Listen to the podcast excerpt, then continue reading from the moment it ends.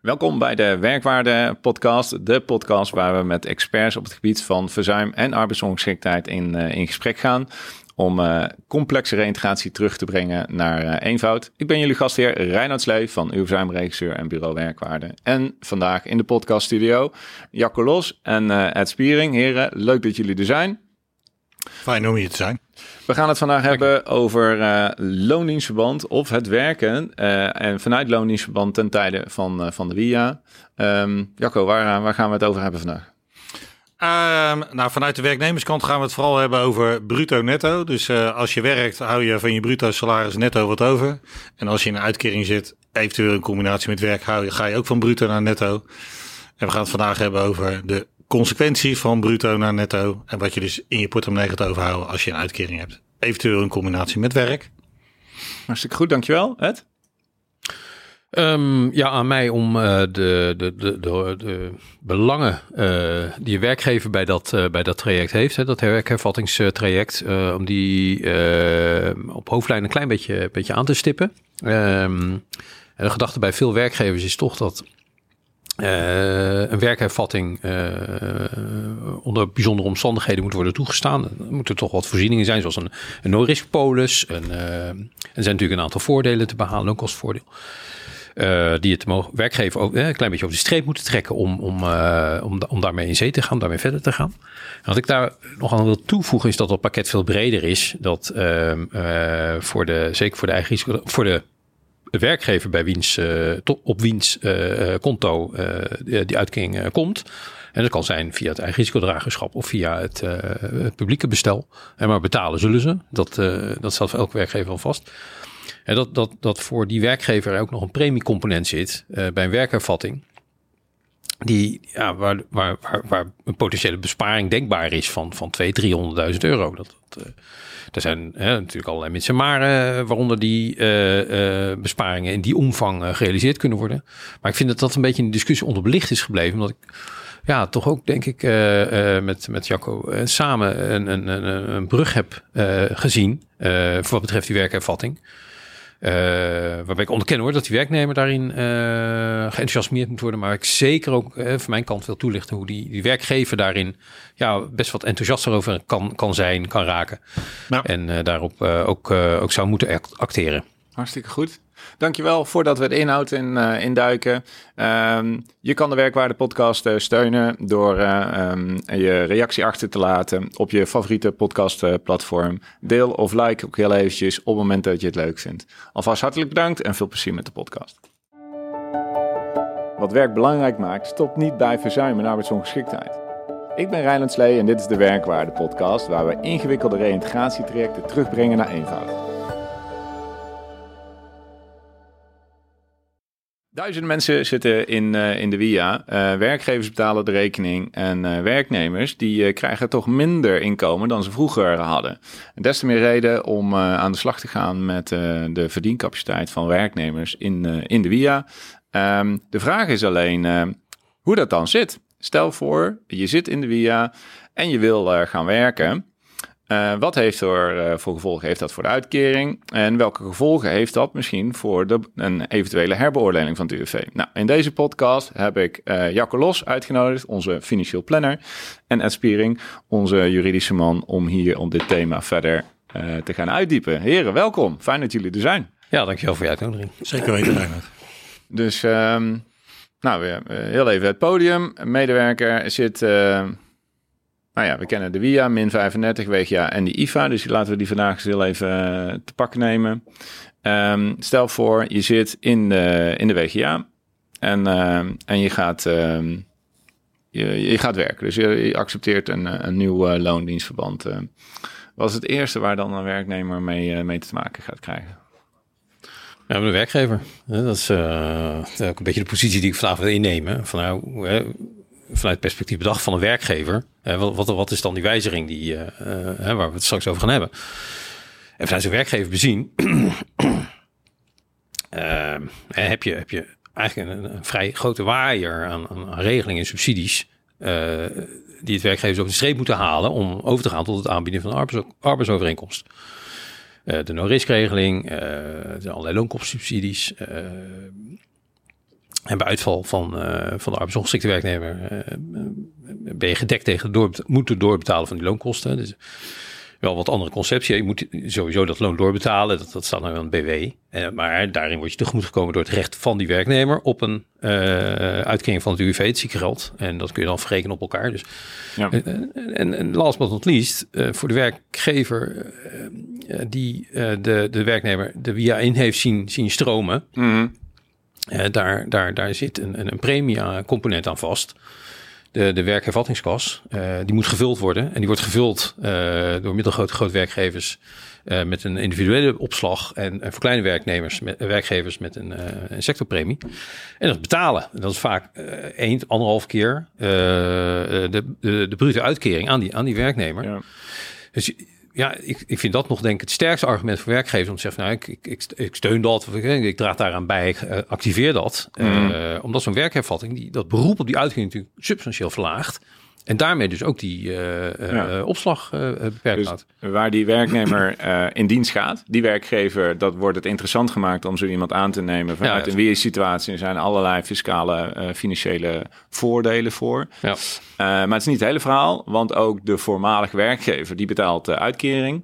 Eigenlijk of die betaalt, nou ja, die betaalt de premieverhoging omdat er uitkering is.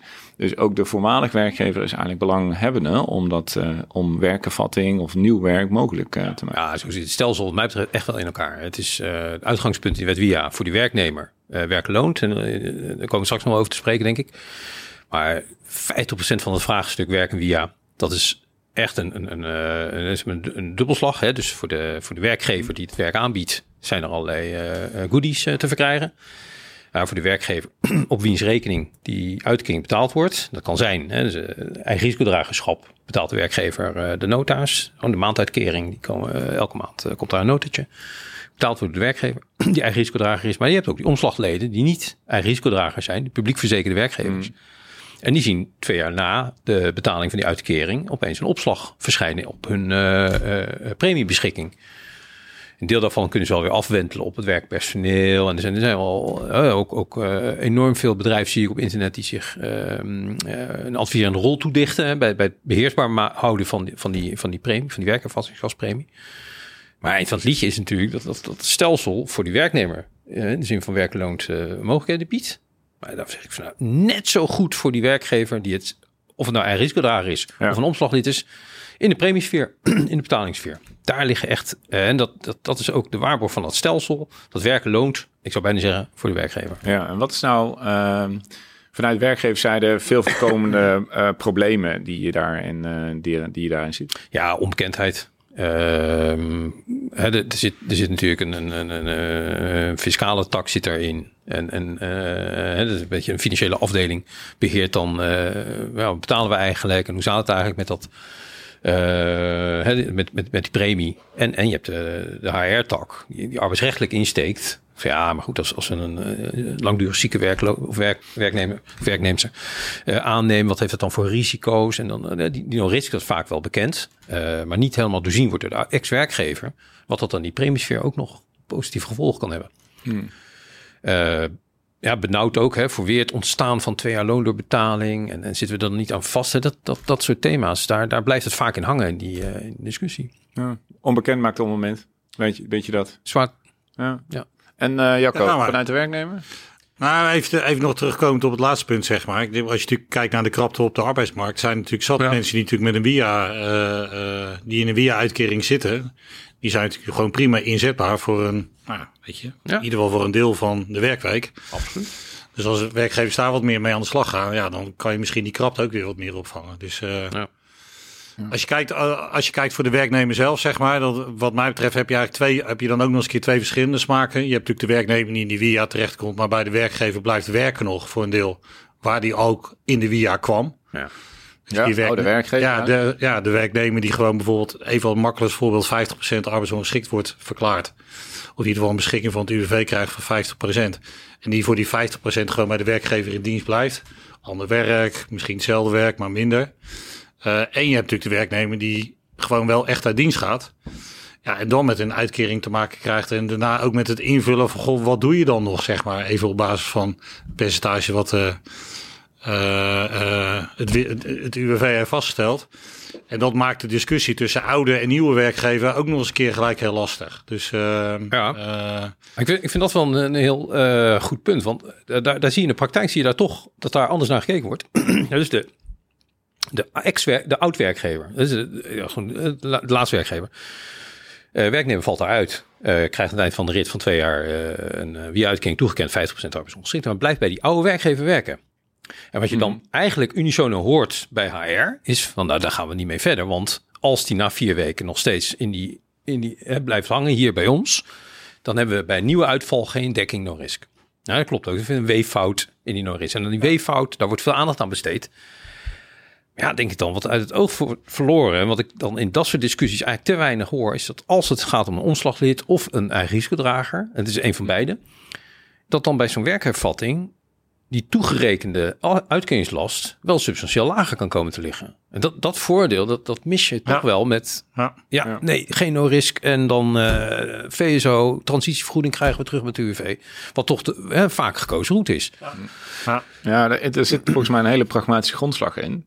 Is dat heel vaak reïntegratietrajecten soort, eh, hoe moet je zeggen, procesmatig worden ingericht. Een beetje bureaucratisch worden ingericht. En dat die aan het eind van de rit eigenlijk onvoldoende zekerheid bieden aan, aan beide zijden van hey, dit, we hebben een nieuwe, er is een nieuwe Ja. realiteit ontstaan, hè, die halve dagen werken, hey, dat gaat hartstikke goed. Kijk, en op het moment dat er wederzijds vertrouwen is van dit is een nieuwe werkelijkheid en dit gaat goed, ja, dan, dan, dan is dat dat risico van, oh ja, als hij opnieuw uitvalt, hè, dan, dan zijn, hebben we geen no-risk-polis. Dat, dat, dat is er veel minder, denk Ja. ik. Dus eh, het heeft ook iets een beetje te maken met slecht reïntegreren, volgens mij. Ja. Nou, het thema van die nieuwe arbeid, hè, dat is ook breed uitgesponnen. Je mist daar toch een beetje die tegenhanger Ja. in. eh, van de voordelen die het wel kan bieden. Nou ja, kijk, ik bedoel, het is precies, precies wat je zegt, Reinhard, weet je. Maar ik bedoel, ehm, ik denk dat er echt zat, zat medewerkers, eh, zeker die in de risicoklasse 35, 80 procent uitkomen. Ja, dat die inderdaad een deel van het werk wellicht zeg maar gewoon kunnen blijven uitvoeren bij de werkgever waar ze ook gewoon al voor werkten. Weet je, ik bedoel. En dan is het dus voor alle partijen is het even financieel gezien is het beter. Maar we hebben het natuurlijk niet alleen over het financiële. We hebben het natuurlijk ook zeg maar over het geestelijke en over eh, allerlei andere eh, onderwerpen. Dus ook daarvoor is het gewoon beter als zo'n werknemer in staat zou zijn om nog te blijven werken. Om gewoon nog bij die werkgever te blijven doen waar die al zit. Ja. Zullen we hem anders gewoon heel even oppakken vanaf einde wachttijd? Dus medewerker is eh, twee jaar ziek, heeft die via-aanvraag al gedaan. UWV heeft nog wel of geen beschikking afgegeven, maar dat we het vanaf dat moment heel even oppakken. Dus stel voor, een medewerker werkt, eh, nou is niet volledig geïntegreerd, maar doet wel taken uit het eigen werk of, of iets anders binnen het eigen bedrijf. Ehm, op zich is die reïntegratie eh, best goed gegaan, dus werkgever en werknemer willen met elkaar door. Weet je wel, in de andere vormen willen iets met elkaar door. Wat gebeurt er dan voor zo'n werknemer? Want hij gaat wel minder salaris krijgen, want hij gaat minder werken. Nou ja, in principe even het voorbeeld met 50% is eigenlijk zeg maar het makkelijkst rekenen. Je zou eigenlijk kunnen zeggen, nou iemand heeft een salaris en hij werkt 100%. Nou, als hij dan voor 50% wordt afgekeurd, dan blijft er 50% salaris over. Dus zijn salaris gaat eigenlijk door midden, zeg maar, wordt ongeveer de helft.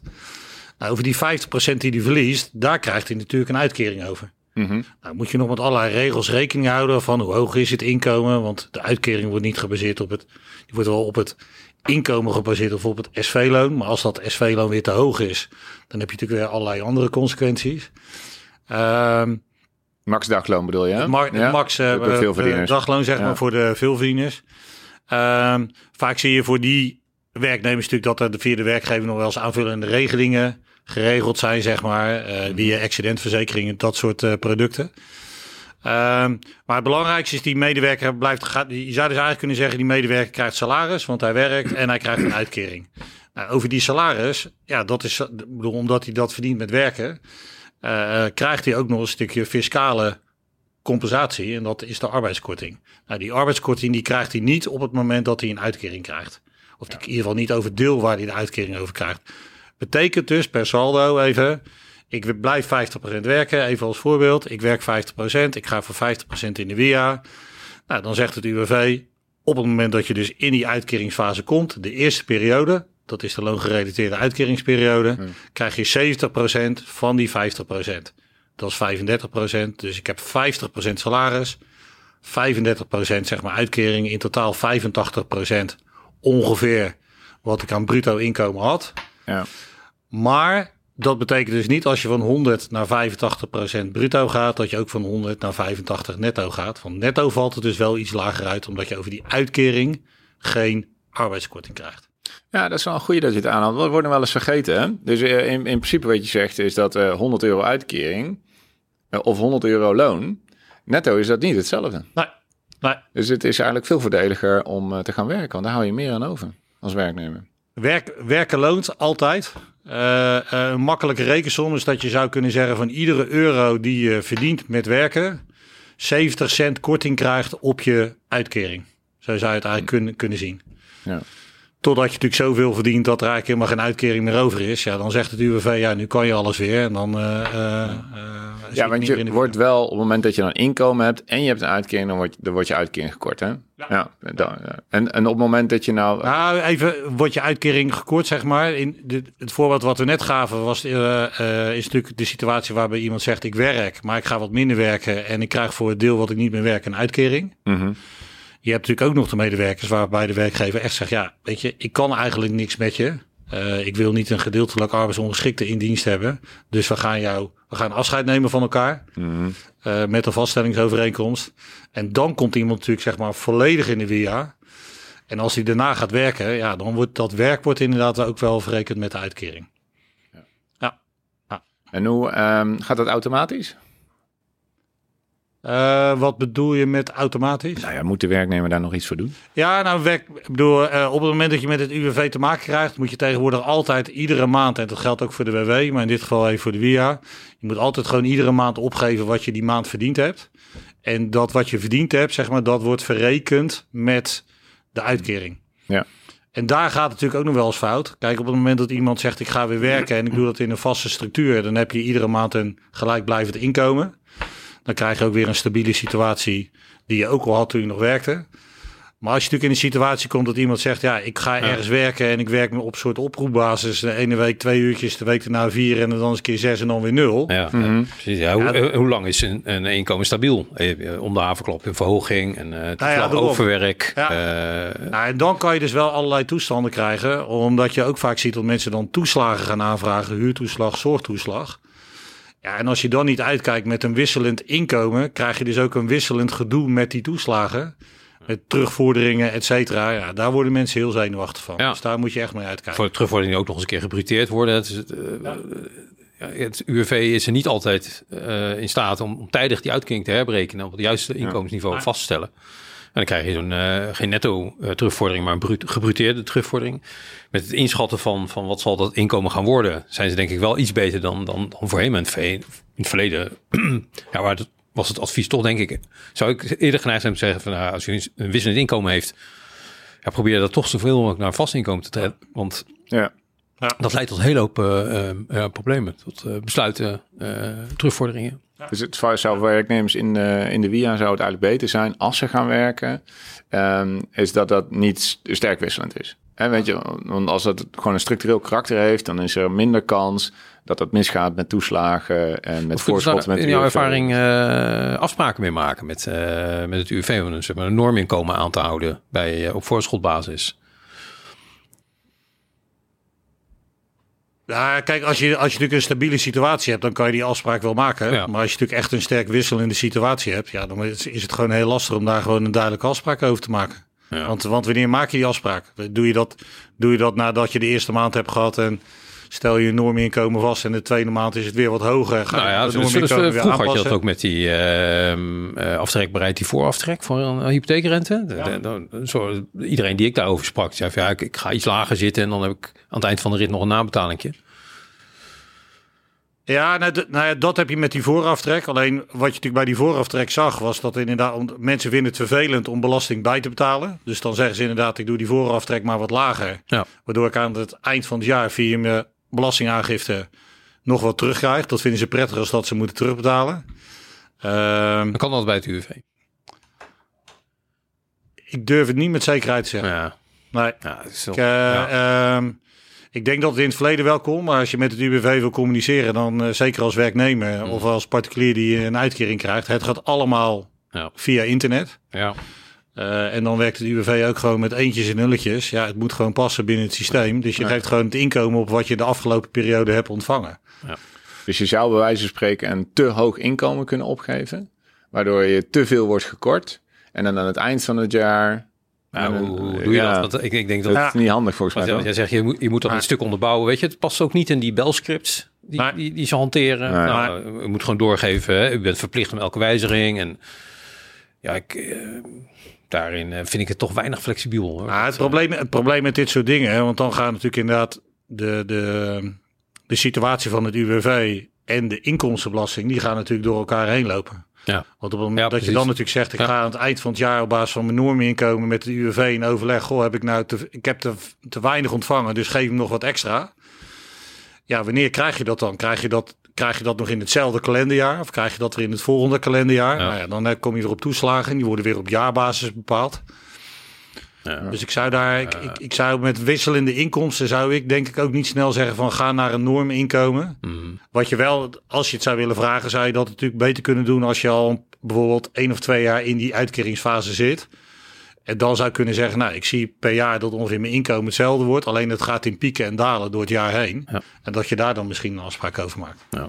Eh, misschien ook wel even goed, want die eerste periode nu kennen we als de loongerelateerde uitkering. En dan komt op het moment dat de werknemer voldoende werkt, dan uh, maakt de UWV daar een beslissing over. En dan komt er een loonaanvullingsuitkering. Wat betreft met verrekenen van inkomen, maakt dat dan nog uit in welke uitkeringsvorm je zit?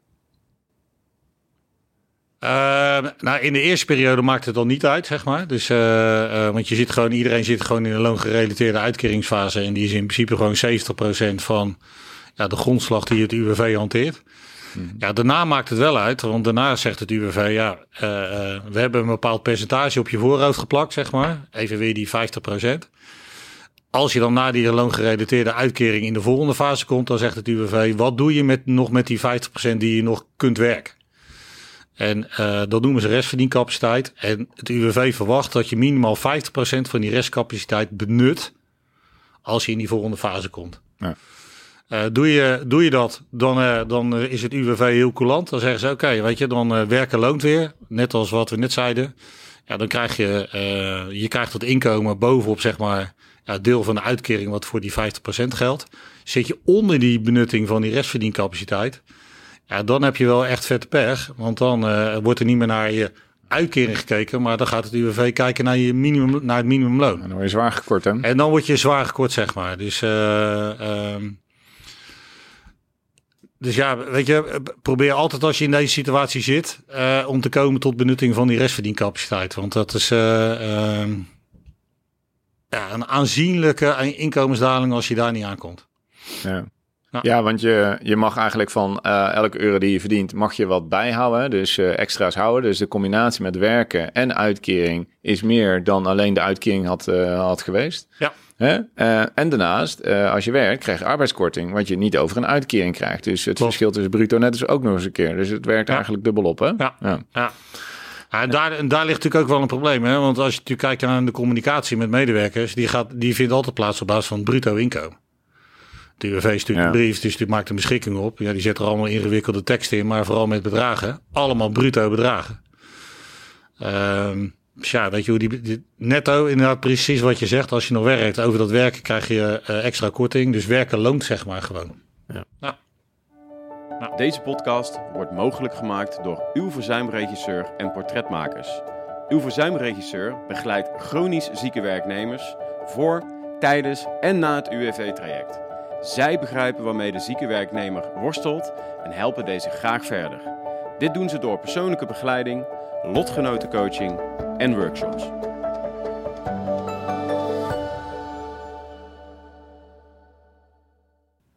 Nou. En hoe houden werkgevers hier dan rekening mee? Nou, in principe niet. Nee, ik, uh, ja, ik, ik zou graag een positief verhaal willen afhouden. Maar...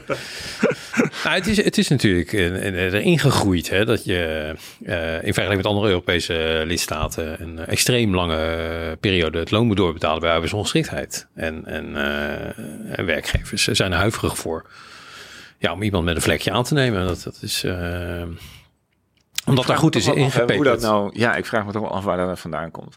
Is het daadwerkelijk, is Ja, je waar? moet twee dat- dingen doen. Hè. Je, moet, je moet dan je bezetting op peil houden met andere personeel. Hè, of, eh, met inhuur. Ja. Dus dat is al een, een last om het werk geregeld te krijgen. En je hebt eh, die, die loondoorbetaling waar je premie voor moet dragen. En, eh, Wat ik zo storend vind, is dat de, de no-risk-polis, ik bedoel, dat is een hartstikke mooi middel, hè, want dat zegt eigenlijk even, goh, neem een arbeidsongeschikte medewerker in dienst, nou, en die wordt toch eh, onverwacht ziek, dan, dan compenseren wij dat als overheid. Hartstikke mooi. Maar het geeft dus tegelijkertijd signaal af, medewerkers in de WIA, die hebben een groot risico om ziek te worden. Ja, ik vraag wacht- me af of dat echt ja, gebeurt. dan wacht even. Kijk, die, die no-risk-polis is natuurlijk een fantastisch instrument. Maar hij werkt niet altijd.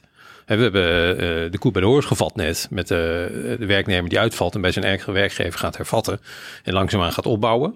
En werkgevers eh, staan daar open voor om eh, het risico van een loonsanctie eh, te minimaliseren. En dat, dat, dat kan het beste, want dat zijn de cijfers die tenderen wel in die richting, dat een eh, hervatting in eh, werk buiten de eigen onderneming, sport 2, dat de kansen daarop op een, eh, een daadwerkelijke plaatsing wel bizar laag zijn. Zoiets 8% of zo, had ik het laatst gehoord. Ja, ja dat, dat heb je van mij. Dat, of dat helemaal betrouwbaar is, dat u. Maar de, de, de, grootste kans op een herplaatsing, het vinden van betaald werk, is binnen de eigen onderneming. Om verschillende redenen overigens. Hè. Het gaat vaak om langdurige dienstverbanden, eh, dus kennis eh, over en weer, over elkaars eh, verwachtingen en, en eh, wat, wat kunnen partijen bieden. Dus eh, op zich valt dat wel te begrijpen dat die herplaatsingen, eh, met name in het eh, eerste spoor, eh, de grootste kans van slagen hebben.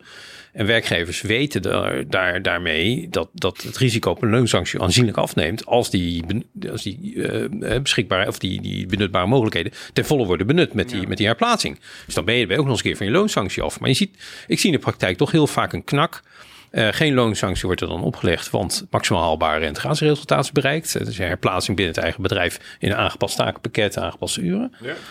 En dan op het moment dat die, die, die, hè, die beslissing op de, eh, die toekenning op de mat valt, hè, de inkt is nog nat. Dan eh, gaat, eh, krijgt de werknemer een, een telefoontje van, joh, ja, we willen toch eens over praten over je vertrek. Want ja, we hebben natuurlijk nooit op papier gezet hè, dat, dat je een nieuwe baan hier hebt. Dus er is geen sprake van nieuw bedongen arbeid. En, en als we dat wel zouden doen en het allemaal in vaste vorm gieten, ja, dan, dan hebben we eh, de angst dat je daar weer gaat uitvallen. En dat we weer twee jaar moeten reïntegreren, wat overigens helemaal niet hoeft. Hè, want dat, eh, dat, dat is al een gepasseerd station bij de, bij de primaire aanvraag al. Nou, ja, je moet op zich wel gereïntegreerd Ja, oké, maar ja, niet het civiele hoofd. Ja, nee, precies, de ja. kan er niet volgen. Ja. Eh, maar dat, dat, dat risico op dan weer uitvallen, dat dan bij die eigen werkgever is hervat in een periode voorafgaand aan die WIA-aanvraag. En, maar de vraag is of bij uitval dat nou recht nog geëffectueerd kan worden. Daar worstelen veel werknemers mee, werkgevers. En dat, dat, ja, dat, dat, dat duale karakter, zeg maar, dat onbestemde karakter van die no-risk-polis, soms wel, soms niet voor eh, werkhervattingen. Ja, dat, dat zit dan wel danig in de weg. Zeker als je, als je onder die, die, die 35% grens eh, blijft. Hè, dan, dan, dan is maar sterk de vraag of je als werkgever nog wel gecompenseerd wordt. Ehm, dus dat, ik, die, die, ehm, die, dat blikveld gaat dan weer niet verder. Je stipte dat eerder al aan. Hè, dan met, met het, ja, toch het eh, enorme voordeel wat in de premiesfeer bereikt kan worden met die herplaatsing. En dat, dat is dan wel een effect. Als er Ja. twee jaar wachttijd zit daartussen. Dat, dat, dat, dat, zie je pas terug in je premiebeschikking. Twee jaar nadat die uitkering niet tot de uitbetaling is gekomen. Omdat er is hervat. eh, of voor 15 procent kan die gereduceerd worden in het voorbeeld dat jij geeft. Eh, Dus ik zou zeggen, van, nou ja, eh, eh, je kan je knaker aan poetsen, want, want die, die zijn er wel degelijk. Alleen eh, ergens moet iemand hè, d- dat meer gaan visualiseren en, en dat toeschuiven aan die eh, eh, bekende rechtsfiguren van de no-risk en, en van het loonkostenvoordeel. En daar, daar moet echt wel over die, die premie moet wat meer in de etalage worden gezet. Ja, want iedereen focust heel erg op die no-risk. Waardoor eigenlijk eh, die premiekorting, hè, dus dat een werknemer gewoon minder uitkering nodig heeft, terwijl hij onder de streep meer, meer inkomen heeft, dat dat een beetje op de achtergrond raakt. En terwijl je eigenlijk zeg je, dat, is het prioriteit- abonnement. Ja, nou ja, dat- Ja, kijk, het UWV heeft ervoor gekozen om die nog risk in de etalage te zetten. Omdat het natuurlijk ook een heel sterk op hervatting toegesneden instrument is. En heeft daarbij, denk ik, ergens niet die regie gehad om te zeggen, van, er zijn er meer en die zetten we tegelijkertijd met dezelfde, in, eh, dezelfde invalshoek en met dezelfde kracht zetten we die in de, in, in, de, bekendheid, in de spotlight. Maar dat verdient wel degelijk. Hè? Uh, ja, wat, wat, wat meer uh, een aanpak die wat, die wat meer gestroomlijnd is. Omdat het allemaal maatregelen zijn gericht op, op het, het hervatten in betaald werk na een lange periode van, van noodloorbetaling. Ja. En ik juich dat toe ook uit moreel oogpunt. Ik, ik, ik heb uit eigen ervaring gezien wat er met iemand in het oude stelsel, de WHO, was die reintegratie volledig afwezig. Dat was een taak die toeviel aan het eh, UWV en die, uh, de, toenmalige bedrijfsverenigingen. En die staken daar geen tijd en geen geld in. En dat was er ook niet. Dat werd ook niet uh, toegejuicht. Hè. Het, het, systeem was om iemand die, die, die ziek was te parkeren in de WHO. en die krijgt dan een bom duiten mee, toen nog 85 Ja. En dan nam je afscheid. Hm. Maar ik heb ze zien verwateren van, van krachtige kerels uh, tot, tot uh, ja, watjes, tot, tot uh, ja, met, met, met, met verslavingsproblematiek, met psychische problematiek. Um, in die oude WO had je die vijfjaars herbeoordeling nog. En dan zag je na vijf jaar zag je een, ja, het, het, lampje uit. Hè. En, ik, Don, Donner heeft daar, daar een punt achter gezet met uh, Balkenende en die, en die VIA. Met, en, en, daarin ook ingelepeld dat activerende karakter en het werken loont. En ik geloof er echt uh, in hoor dat dat uh, de truc is. Alleen de vraag is even van wie zet je dan aan, aan het werk? En, en via die BSAVA is dat die werkgever geworden. Die premie die wordt gewoon bam neergelegd. En grote werkgevers zijn er steeds meer van bewust dat zij die premie betalen. En dat dat uh, feitelijk neerkomt op anderhalf keer dat uitkeringsbedrag. Dus werkgevers, die groot, zeker grote werkgevers, die zullen zich zeker hè, van bewust zijn over de relatie tussen die uh, situatie van een werknemer die op de bank zit en, uh, en die premiebeheersing. is dat altijd wel zo? dat vraag ik me wel eens af. Interessant trouwens, um, hè, want we kennen de loongerelateerde uitkering en loonaanvullingsuitkering. Jacco had het er net ook al heel eventjes over. Um, hoe is dat voor een werkgever? Uh, dus op het moment dat hij dus, laten we zeggen, een, een arbeidsongeschikte niet in dienst houdt. Dus de medewerker gaat in die loongerelateerde uitkeringen, een beetje die periode die gelijk zijn aan de WW. Wat kost hem dat dan in vergelijking tot die periode die daarna zit? Ja, twee, drie ton.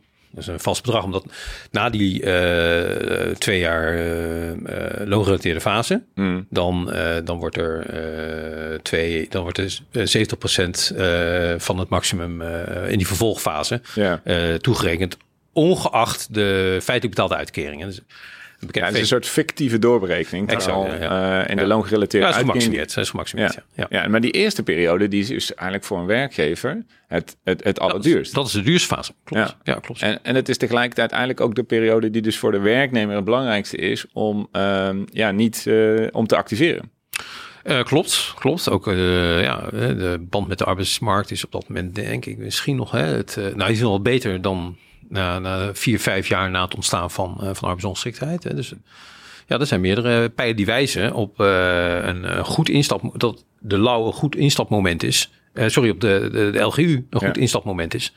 Om middelen in te zetten, geld tegenaan te gooien. Ja. En, ah, plus wat je natuurlijk terecht net zegt, weet je, hoe langer iemand thuis op de bank zit, hoe verder de afstand tot de arbeidsmarkt wordt, weet je. Dus de kans dat als je, die, als je die eerste twee jaar loongerelateerde uitkering door bent. Mhm.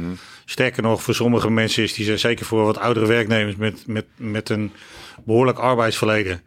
Kan die zeg maar in combinatie met de private invulling voor de WW en de WIA. Uh, kan die zelfs nog opgerekt worden tot, uh, tot bijna 38 maanden. Uh, als je echt 38 maanden thuis hebt gezeten en je hebt niks geprobeerd, zeg maar, en je combineert dat nog even met die eerste twee jaar die je ook al ziek geweest bent en ook al bent uitgevallen, ja, dan heb je dus eigenlijk al bijna vijf jaar niet gewerkt. Ja, de kans dat je dan natuurlijk gewoon nog echt een baan vindt, ja, die is... Een reuzenstap. Ja, ja die, is, die, die, die, is zo ontzettend klein, zeg maar. Dus je zal echt in die eerste twee jaar, die, wat voor de werkgever het duurste is, zal je echt moeten kijken, of kunnen we op een of andere manier toch die werknemer in dat geval oud werknemer toch nog bewegen om zeg maar uh, uh, richting werk te komen. En even los van alle financiële componenten heb je ook gewoon daar nog echt wel, ik vind ook wel een morele verantwoordelijkheid als werkgever, hè, dat je daar ook gewoon verder nog mee aan de slag gaat. Ja. Weet je? Uh, maar dat dat inderdaad weinig gebeurt ook met die no-risk. Ja, zijn natuurlijk meer voorbeelden van mensen met een, met een afstand tot de arbeidsmarkt. Ja. Ja, die uh, mensen die al heel lang in een uh, ook, uh, ook de waarjongens, weet je, of de, ja. de, de ja. ja. toch die mensen die nog in de WO zitten. Ja, weet je, er zijn allerlei instrumenten om die mensen toch weer bij werkgevers aan tafel te krijgen. Ja, werkgevers vinden, vinden het spannend, weet je. Dan, ga, ja, dan haal je iemand binnen die in de rolstoel zit. Zeg maar. Hoe ga je daarmee aan de gang? Moet je het bedrijfspand aanpassen dat iemand wel naar binnen kan? Andere bureaus erin, dat soort zaken. Ja.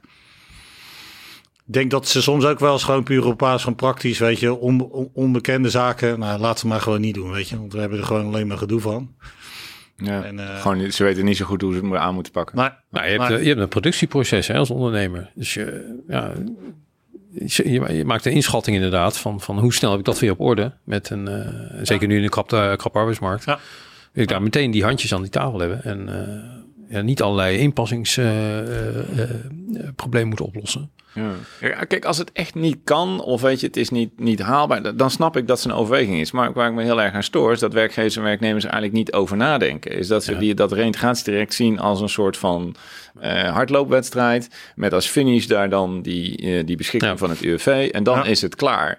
En er wordt eigenlijk niet eens over nagedacht over in dienst blijven in een aangepaste vorm, terwijl dat voor werknemers heel goed is om gewoon maatschappelijk mee te participeren.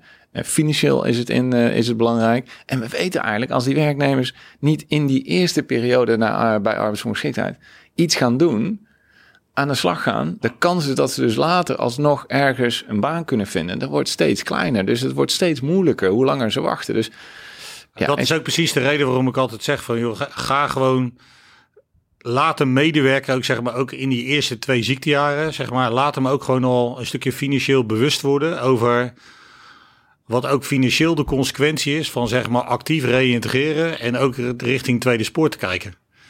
Weet je, uh, als het in eerste spoor niet uh, lukt. Maar laat hem gewoon zien dat als hij gewoon niet meer aan het werk komt, wat dat in de toekomst voor gevolgen voor zijn inkomen kan hebben. Ja, netto. Netto, zeg maar. Ja, nou ja, kijk, als je dus inderdaad niet meer werkt, maar het UWV vindt dat je nog wel kan werken met die restverdiencapaciteit. Ja, dan, eh, dan, dan zegt de een die zegt, joh, je kan nog wel werken, dus, maar je doet het niet, dus we gaan je korten.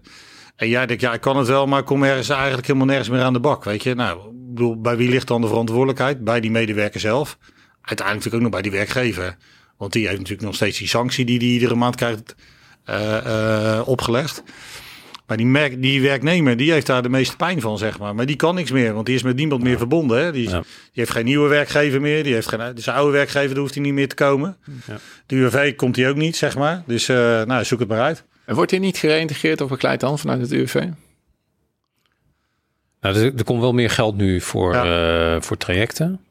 Maar dat, dat, ja, met alle respect, weet je, dat zijn dan uh, werktoeleidingstrajecten die bestaan uit, uh, we leren eerst op tijd verschijnen gaan die afstand van de arbeidsmarkt verkleinen. En, hmm. en uh, ja, dat zijn zelden uh, vruchtbare trajecten. Het is eigenlijk ja. vergelijkbaar met de resultaten die bereikt worden in Sport 2. Dus onderstreept eigenlijk ook weer het belang om zo snel mogelijk, of eigenlijk, eigenlijk al voordat het, uh, als je weet dat het bij, het, bij de werkgever gewoon niet, gaat niet gaat lukken om in Sport 2 echt alles aan onderste uit de kant te halen. Of, of, of gewoon in dienst te blijven bij de werkgever. Desnoods een heel klein dienstverband. Want op het ja. moment dat er iets is, ook al is het heel klein, dan blijft er een verbinding met de arbeidsmarkt. Dan blijf je in een soort werkritme, waardoor uh, in de toekomst dat er ja. eigenlijk gewoon voor de werknemer veel beter uitziet. Als die, als die afstand tot de arbeidsmarkt steeds groter wordt, zeg maar, dan is dit voor, de, voor, voor deze groep medewerkers is het echt steeds lastiger om weer werk te vinden. Ja. En de minder dan 35% arbeidsongeschiktheid, dat is dan wel weer een speciale groep. Ervaren jullie dat ook zo? Ja. Ja. Ja, ervatting bij de eigen werkgever, hè, dat is, dat is uh, je, je bent je, uh, geen zicht op uh, no risk. Wat voor de werkgever uh, ja, toch in een kwetsbare positie oplevert bij voortzetting van dienstverband. Ja, want ook geen loonkostenvoordeel, weet je. Dus ook ja. al die andere fiscale voordelen gelden niet. Ja. Niet overigens niet altijd terecht toegelegd. We hebben eerder een podcast opgenomen hè? over de 1% ziek houden volgens mij. Ja. Dus als uh, luisteraars ja. daar meer over willen weten. Ja. Oh, is goeie van je. Ja. Podcast nummer 8, als ik me goed kan herinneren. Ja, ach, geloof ik ja. ja. We zitten nu in 24. Dat is een tijdje geleden. Hè? Ja, inderdaad. Ja. Ja. die, uh, of die slapende dienstverbanden, bedoel, bedoel je dat zeg maar? Ja, ja. ja en praktische verdiencapaciteit. Dus medewerkers die dan bij het UWV aangeven dat ze uh, grotendeels gereïntegreerd zijn hè, en dat ze ook op kantoor aanwezig zijn, terwijl de werkgever eigenlijk helemaal niet voornemens is om dat dienstverband te effectueren. Hè, dus echt daadwerkelijk dat dienstverband aan te bieden. Waarbij dus werknemers aan het UWV hebben gezegd, joh, ik ben hartstikke goed bezig. En bij de werkgever zegt, eh, Ah, niks. ja, maar dan Ja, krijg je hoe dus geen uitkering en je krijgt geen baan. Maar- Ja, dat, dat is natuurlijk wel een vervelende situatie. Oké, Maar de- goed, er zijn ook situaties waarbij minder dan 35% ja, eh, terecht wordt beoordeeld. Hè? Dus medewerkers die hebben klachten, maar die klachten zijn gering. En die op de reguliere arbeidsmarkt zouden er voldoende mogelijkheden moeten zijn. Alleen bij de eigen werkgever lukt het niet. En ja, die va- vaak hebben die toch nog meer reïntegratiemogelijkheden bij de eigen werkgever. Ja, zeker. Dat is ook de gedachte waarom René Risk eh, niet op, op die groep eh, van toepassing is. Eh, precies om wat je zegt. Omdat die, van die groep verwacht wordt eh, dat zij die ondersteuning niet nodig hebben. Dat zij zelfstandig aan werk kunnen, vinden, eh, kunnen komen. Omdat ze eh, een, een mild beloop van hun klachten hebben. Ik wil nog een eh, curiositeit eh, aan tafel brengen. Eh, ik zie een aantal procedures waarin die binnen dan 35 het resultaat van een praktische schatting. Dus is die, die werknemer aan het hervatten in het eigen werk, in de ombouw, het aantal uren. En dan eh, bereikt hij van de 40, bereikt hij er eh, 30 of eh, 28, wat is het? En de arbeidsdeskundigen gaan dan over tot een praktische schatting. Laten die theoretisch ook achterwege, eh, soms ook het eh verzekeringsgeneeskundig onderzoek, om, om een beetje snelheid in de afhandeling van die aanvragen te houden. En komen dan op 32 procent. de aanvraag wordt afgewezen. En eh, ik heb herhaaldelijk aan mijn bureau eh, werkgevers die zeggen van ja, nou, nou is hij weer uitgevallen. En dan zeg ik ja, oké, betaal je het loon door, en dat doen ze dan wel. Maar er is geen enkele rechtsgrond voor, want hij is niet hervat in andere nieuwe bedongen arbeid. Het eigen werk is eh, niet passend en ook niet hervat in die omvang. Er is geen recht op ophoging, want dan gaat het opeens om nieuwe klachten. Dan eh, een meniscus die, eh, die opzij draait. Ja, twee jaar geen loon, geen ophoging via, geen ziekengeld, geen no-risk. Ja, dat is echt een weeffout. Ik zie wel dat in de, dat in de praktijk het UWV dan die vaak dan wel een soort coulanshalve dan wel sneller herbeoordeelt. Nou, dan moet je morgen bij mij komen werken, want eh, Oh, nee, heb jij die ervaring niet? Ja, ik, Ah. ik vind procederen leuk, maar met dit soort dingen denk ik wel van ja, waarom heb je, die- waar heb je die pra- praktische schatting? Want daar wilde ik eigenlijk naartoe. Waar heb je die praktische schatting nou op gebaseerd? En dat, dat is toch vaak in het kader van reintegratie. Is er wat uitgebouwd, wat opgebouwd? Ehm, maar ik denk in hoeverre is dat dan duurzaam? En in hoeverre is dat überhaupt te duiden als, eh, als een functie? Eh, want zijn collega's die doen die zware zakken. Eh, zakken. Eh, dus daar, ik zie daarin wel eh, wat, wat differentiatie. Hè. Als, je, als je vraagt, van, ja, eh, milde klachten en daarmee 35 eh, of minder. Eh, of althans minder dan 35 procent. Ik, ik, de, de, hè, de, de klantjes die mij aan tafel zitten, die zijn inderdaad minder dan 35 procent. Maar die vaak ingrijpende problematiek. Alleen op een niveau eh, wat het wel toelaat om bij die eigen werkgever aan de slag te blijven. Ja. Die dat ook op prijs stelt. Alleen ja, na twee jaar, drie jaar, vier jaar, dan pats. Dan, eh, en dan hebben we echt een groot probleem. Dus die praktische schatting ben ik geen, absoluut geen voorstander van. Maar ik vind het ook wel een mooi brugje naar, de- naar dat hoofdthema van dat, dat werken en die via en die combinatie. Eh, want ik heb ja, iets van, nou, cadeautje is een groot woord. Eh, een eh, kamerbrief meegenomen voor de heren van juni 21. En er wordt herinnerd aan het regeerakkoord Vertrouwen in de Toekomst. Met, en en er wordt opnieuw door het ministerie aangedrongen op, op wetgeving om de eerste vijf jaar na entree in de WIA geen herbeoordelingen te gaan zitten doen. Niet opnieuw morrelen aan, de, aan het uitkeringspercentage.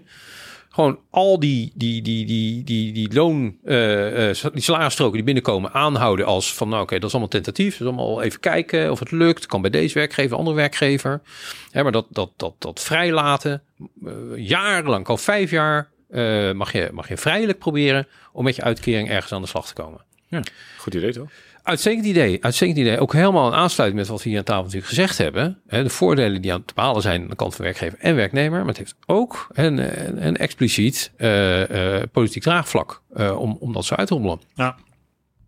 Ik zie eigenlijk al, ik zie aan, de, aan, in dat onderwerp zie ik dan nog wel zeg maar een valkuiltje met betrekking tot wat oudere medewerkers. Hmm. Want je ziet natuurlijk dat zeker medewerkers bijvoorbeeld 60-plussers, dat die via natuurlijk nog wel eens, ook wel zo'n soort, eh, nou ja, verdwijnbak wordt ge- gehanteerd zeg maar in de laatste paar jaar voordat je richting eh, eh, de AOW komt.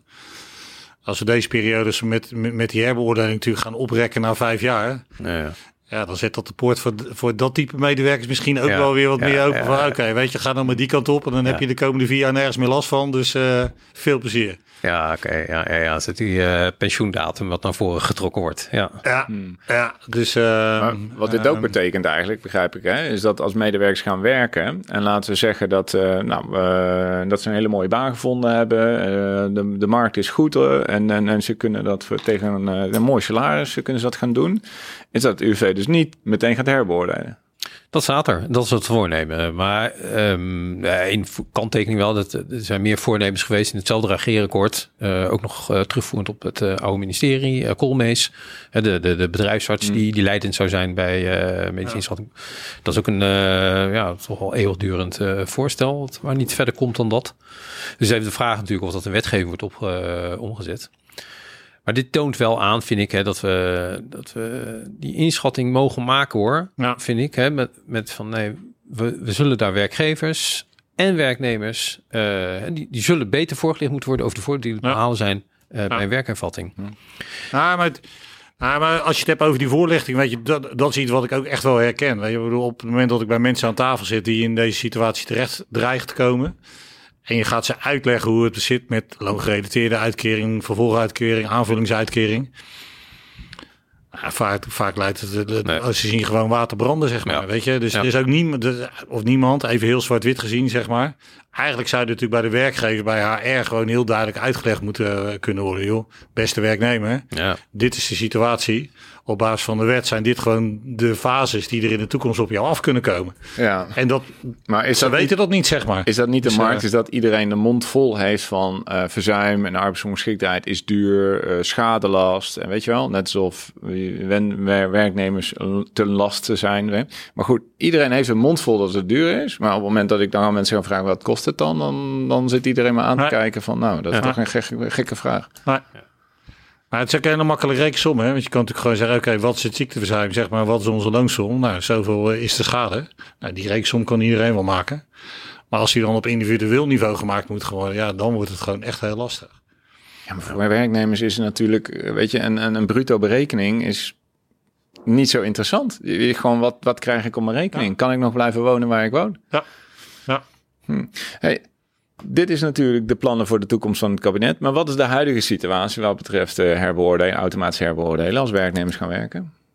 Nou, uh, de VIA kent op dit moment nog een wettelijke bepaling voor wat betreft de IVA-gerechtigden. Mm Dat als die uh, gaan hervatten in meer dan 20% van de oude loon, dat er een herbeoordeling moet volgen binnen een jaar. Curieuze redenering, maar uh, geloof dat, dat, dat hele speciale karakter van die IVA-uitkering ergens wel te begrijpen. Dan ja, het wordt toch gezien als een soort mismatch. Hoewel het dus uitdrukkelijk is toegestaan hè, aan een IVA-gerechtigde om, om gewoon weer, uh, weer, weer, weer aan de slag te gaan. Uh, maar vooralsnog staat dat dus gewoon zo met zoveel woorden erin. En uh, wat die, die herbeoordeling voor de WGA-groep betreft. Mm -hmm. ja, ik weet wel, recente cijfers ken ik niet, maar tot enige tijd geleden was 80% van de WGA-populatie was volledig arbeidsongeschikt, 800. En ehm, ja, die, die, zeker als er geen over omslagmoment, of eh, op dat omslagmoment geen beoordeling meer plaatsvindt naar de vervolgfase. Wat het geval is, hè? Wat het geval is, inderdaad. Hè, dan stroomt dus die hele bus uh, de, de lauw in. Uh, dat, dat, hè, dat, dat, maakt voor de premiestelling van die omslagleden niet zo gek veel uit. Wel voor die eigen risicodragers. Dus die zie je wel blijvend uh, belang houden bij, uh, bij sturing op uh, ja, hervattingen, herbeoordelingen.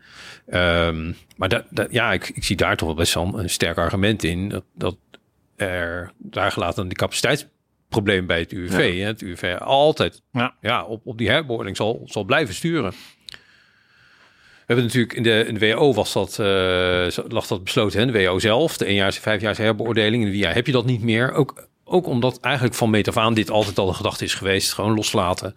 Uh, maak het interessant om te gaan werken. Ook voor werkgevers in de premiestelling. Ja, en dan legt de, werk, legt de verantwoordelijkheid ook bij de werknemer zelf. Weet exact, je? ja, exact. Uh, en, en via die, die premiedoorbelasting bij de werkgever. Hè, dus een stelsel wat, wat zijn eigen zeg maar, motivaties heeft ingebakken gekregen. Uh, maar het werkt eigenlijk helemaal niet. Je ziet een hele grote groep volledig arbeidsongeschikten. Uh, hmm. Die na, zeker na twee of drie jaar toch wel enig herstel over het algemeen vertonen. Want anders zouden ze al in die IVA hebben gezeten. eh, die onbenut eh, eh, ja, eigenlijk weer achter het bank geplakt wordt. Eh, en eh, zo zijn we klaar met u. Ja, worden niet eh, herbeoordeeld, eh, worden niet Nee. wordt verder eh, weinig mee gedaan. Ja, je ziet, ja, het enige wat ik zie eigenlijk, misschien is dat een beperkt blikveld, is bedrijven die grote ondernemingen steunen en dan aan de lopende band, verzekeraars doen het ook wel, steeds maar vragen om herbeoordelingen bij het UWV. En tot, tot er een IVA uitkomt, dan zijn ze happy. Dus dat, dat is eigenlijk de enige motor die nog voor die, maar het is wel een stevige motor moet ik zeggen hoor, een 16 cilinder, die, die, voor een enorme bulk aan, aan herbeoordelingsachterstanden eh zorgt. Maar vanuit werknemerskant ook niet. Ja, waarom zou je? Vanuit UWV zelf ook niet. Ik- heel zelden nog een professionele herbeoordeling. Complex medisch beeld, dan eh, ja, we, we verwachten we verbetering. Dus dat zegt die arts. eh, ik wil je over een jaar nog eens terugzien. Ja, maar gebeurt dat in de praktijk dan ook? Nou, soms wel, soms niet. Ja. Soms eh, vijf jaar later. Het is natuurlijk ook gewoon een typische, een, een typische uitwerking van de volledige digitalisering. Hè? Ik bedoel, eh, als werknemer heb je te maken met het UWV. Ja.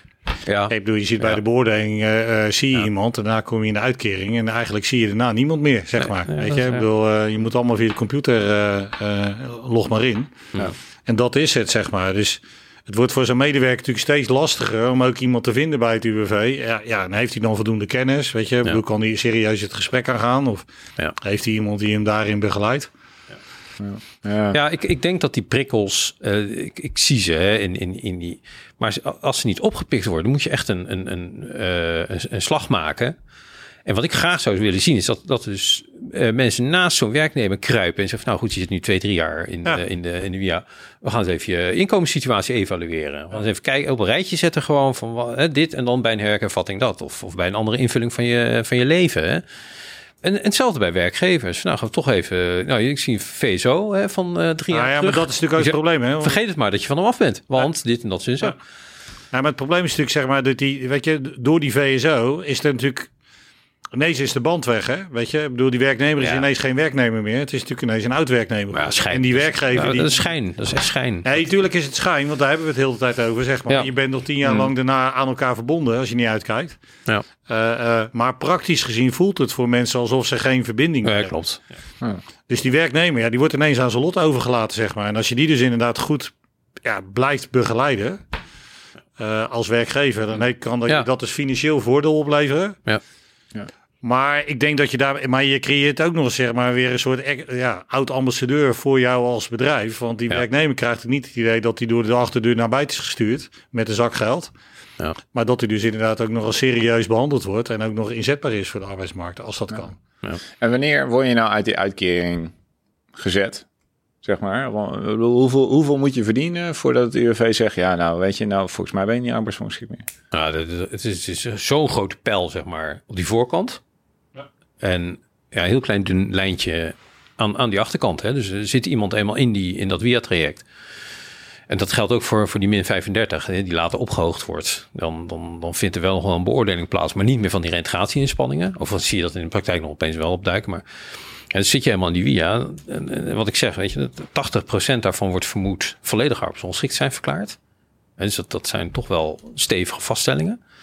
Ja, dan, dan zit er in het systeem niet meer dan een prikkel voor werkgever en werknemer. om via betaalde arbeid uit, dat, eh, uit die uitkeringssituatie te komen. Maar geen leidende rol meer voor het UWV. En terecht denk ik dan, want dat hebben we natuurlijk in die WO gezien van 67 af tot eh, 2005. Dat die leidende rol eigenlijk gewoon, nog grote moeite had om die uitstroom te bevorderen.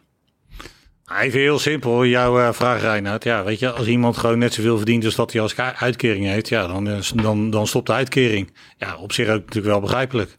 Ja. Maar eh, bedoel, eh, Nee, je, kan- je kan zomaar vijf jaar geen, geen uitbetaling krijgen. En bij na twee jaar, drie jaar nog eens een keer een andere werkgever opzoeken. En echt in de oprechte veronderstelling leven. Nee, ik heb geen recht op uitkering. Die krijg je dan al drie, vier jaar niet meer vanwege de Nee. hoogte van je inkomsten. ja, Maar dat wil niet zeggen dat dat recht is ingetrokken. nee, oké. Maar- Dat kan maar. Dus, dus gaat het UWV gaat niet automatisch herbeoordelen bij eh, inkomen uit loondienstverband. Eh, nee. Nee, er zit wel een. eh, Behalve dan bij IVA. Hè? Bij ja. IVA is dat wel zo. Ja, daar zit een. eh, daar, hè, dus daar- daar vindt inderdaad een. eh, een eh, er zit een bepaling inderdaad in de wet hier. Eh, dat die hebben, of die uitgevoerd worden, weet ik niet. Maar, ik- dus, maar eh, voor wat betreft die WGA-populatie zit er wel een beperking in van die horizon naar vijf jaar. Dus na vijf jaar eh, looninkomsten moet het UWV eigenlijk, en dat, dat moet, dat, uh, ze krijgen die signalen via Walvis uit dat, uh, dat Ubinet, van hey, uh, al, al gedurende langere tijd in staat om een inkomen te genereren. Hmm. Nou, dan oproep voor een herbeoordeling en dan dus die, die hele carousel met arts en CBS en toestanden.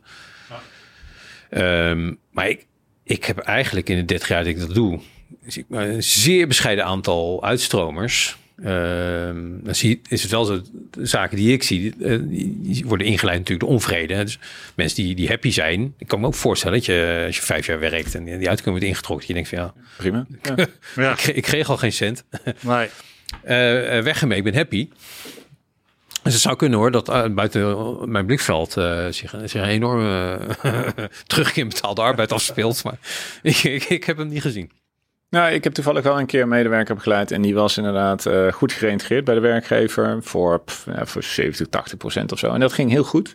En dat ging jaren goed, ja. totdat er uh, klachten toenamen. Maar toen was al hersteld. Ja. Uh, ja. ja. Toen was hersteld. Ja, maar dat is toch de kern hoe, hoe we dat, dat stelsel willen hebben. Hè? Dat, dat, Ja. Dat loslaten, wat ik, wat ik ook schets, hè, dat, dat is echt funest voor je geestelijke gesteldheid. Dat, dat, die structuur die werk kan bieden, hè, die is heilzaam. Daar geloof ik echt heilig in.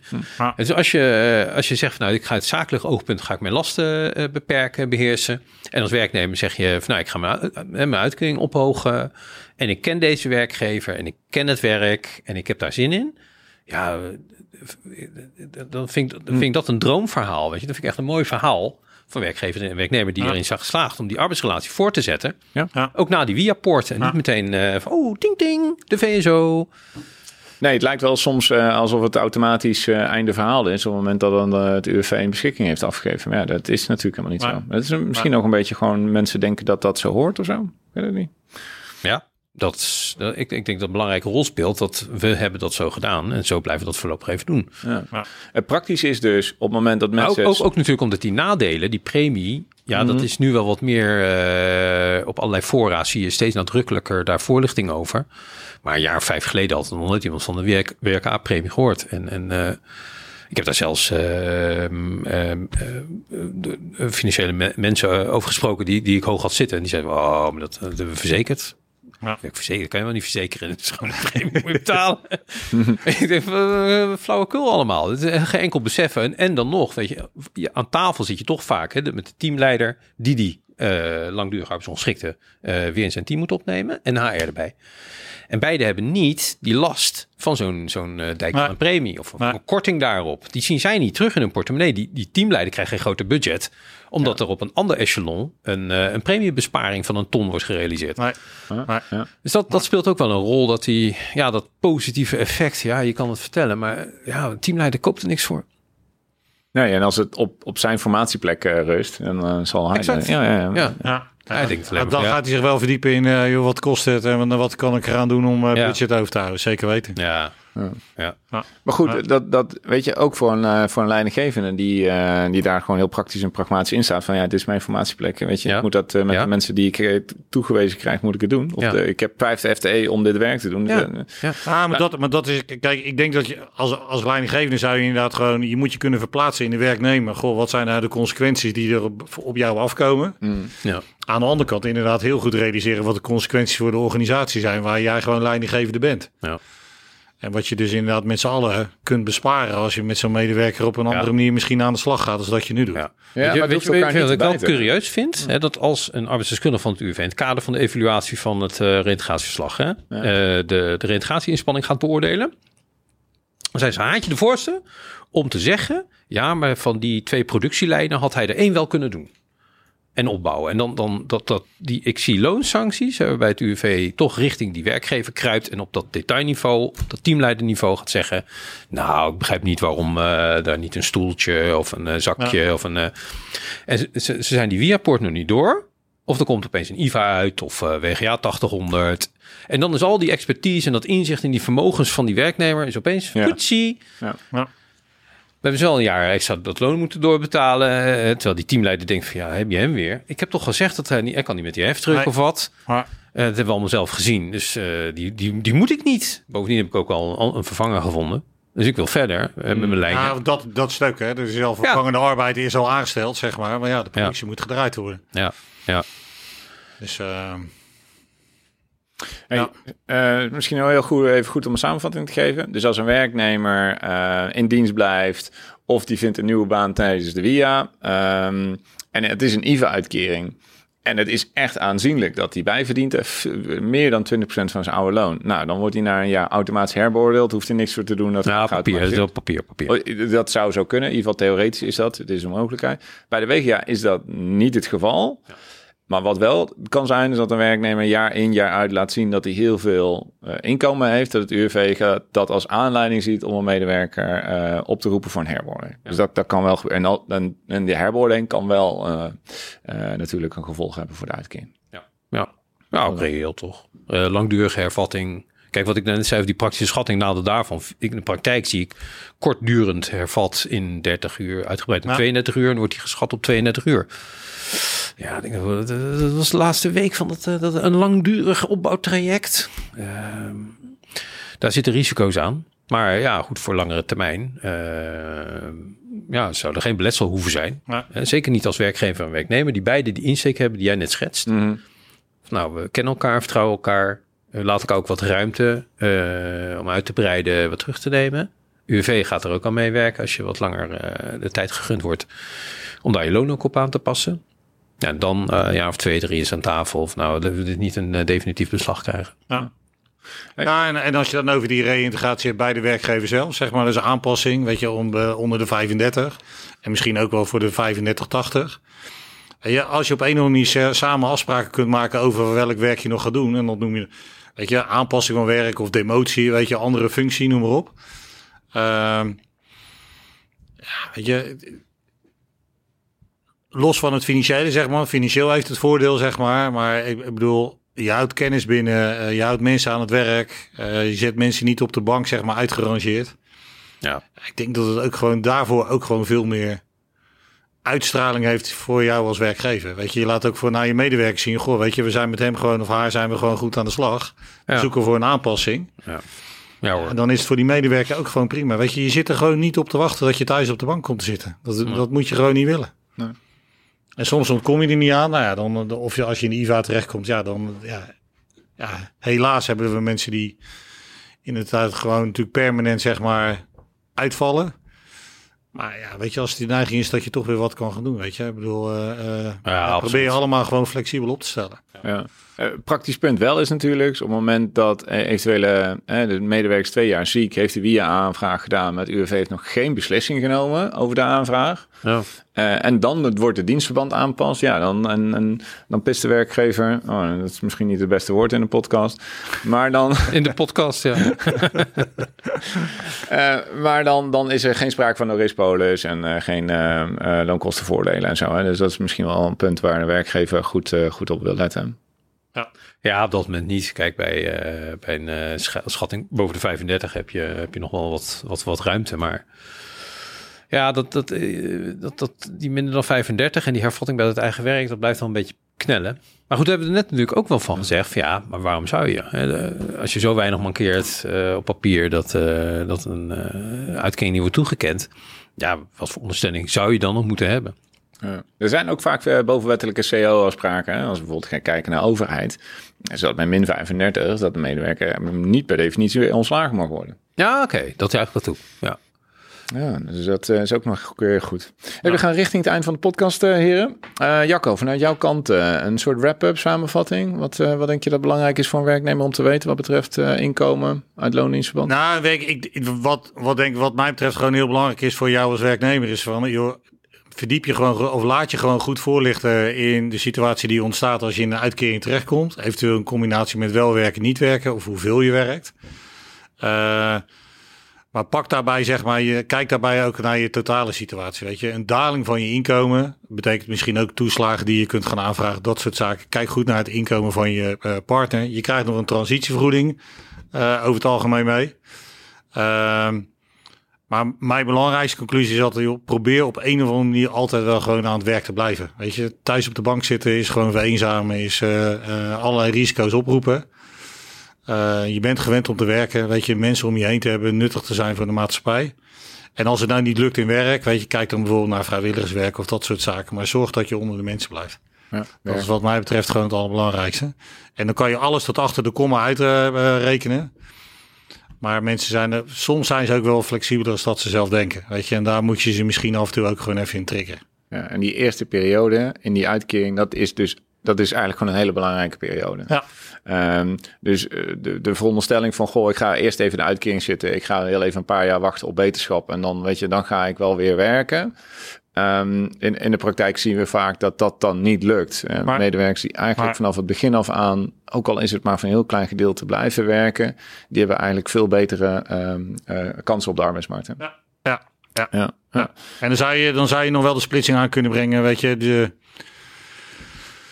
nou, de 60, 2, 62 plusser, zeg maar. Dan heb je eerst die loongerelateerde uitkering. Heb je nog de vervolguitkering of de loonaanvullingsuitkering. Uh, als het dan niet uitkomt, dan is er voor die mensen altijd nog wel een soort extra vangnet vanuit de IOW, de inkomensvoorziening oudere werknemers.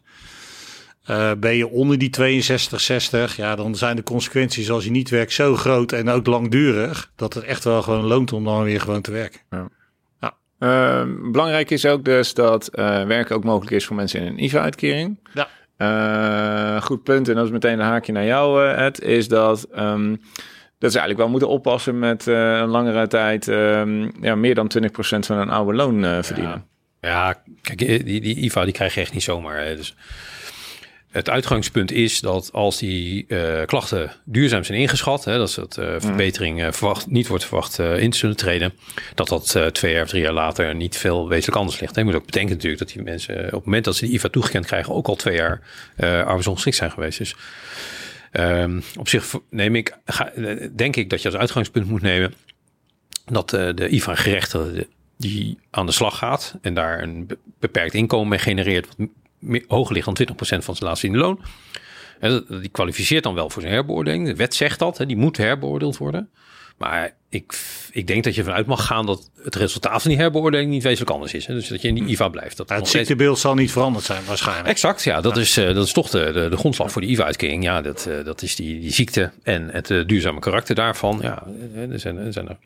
Dus ehm, dat, dat, dat die uitkering bij die herbeoordeling een ander karakter krijgt of ingetrokken gaat worden, dat ik kan me dat maar moeilijk voorstellen. Of althans, ik denk dat je vanuit mag gaan dat de kans groot is dat je dezelfde uitkering doorbetaald krijgt moet je dan wel beroepen natuurlijk op dat uitgangspunt dat je met behoud van je WIA-uitkering ja. gedurende wat langere tijd kunt testen of je dat verdienvermogen kunt volhouden.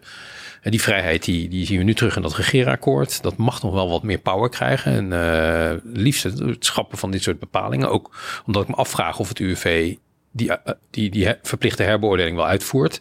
De capaciteit uh, is een veel besproken onderwerp daarvoor. Maar het zou mijn lief ding waard zijn als dat gewoon van tafel gaat en ook wat explicieter gemaakt wordt. Dat ook voor werkgevers de, de, de, het, dat het systeem uh, voor zowel werkgevers als werknemers uh, profijtelijk is bij uh, hervattingen. Ja. Um, en, en dat het in een push en een pool zit. Hè, dus een lagere premie en een pool voor in de zin van, van voorzieningen, loonkostsubsidie, riskpolis, dat soort dingen. Um, en de vraag is natuurlijk ook nog bij mensen met een IVA-uitkering. Als ze dan inderdaad richting die 20% gaan, hoe verdienen ze die 20% ook? Hè? Want je kan ze verdienen doordat je weer bij een werkgever in loondienst bent. Maar voor hetzelfde geld ben jij met een webwinkeltje begonnen waar je wat leuke inkomsten uit hebt en dat groeit ineens, zeg maar. Ja, weet je, ja, dat bedoel, leuk dat je dat zegt. En dat kan je misschien prima doen met de beperking die je hebt, zeg maar. Ja. Uh, maar er was misschien helemaal niet over nagedacht toen die keuring natuurlijk gewoon plaatsvond. Ja, nou, dat is wel interessant. Dus uh, in de volgende podcast uh, duiken we verder in in uh, zelfstandig ondernemerschap ten tijde van, van de WIA. Oké. Okay. dus dat voor luisteraars die dat interessant vinden, dat, ehm, is, dat, is dat wel interessant.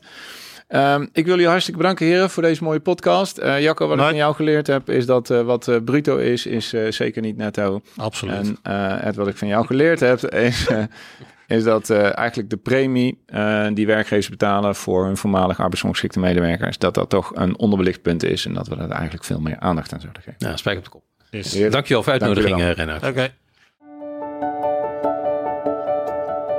Dit was de Werkwaarde podcast. Abonneer, deel en reageer via je favoriete podcastplatform om de podcast te ondersteunen.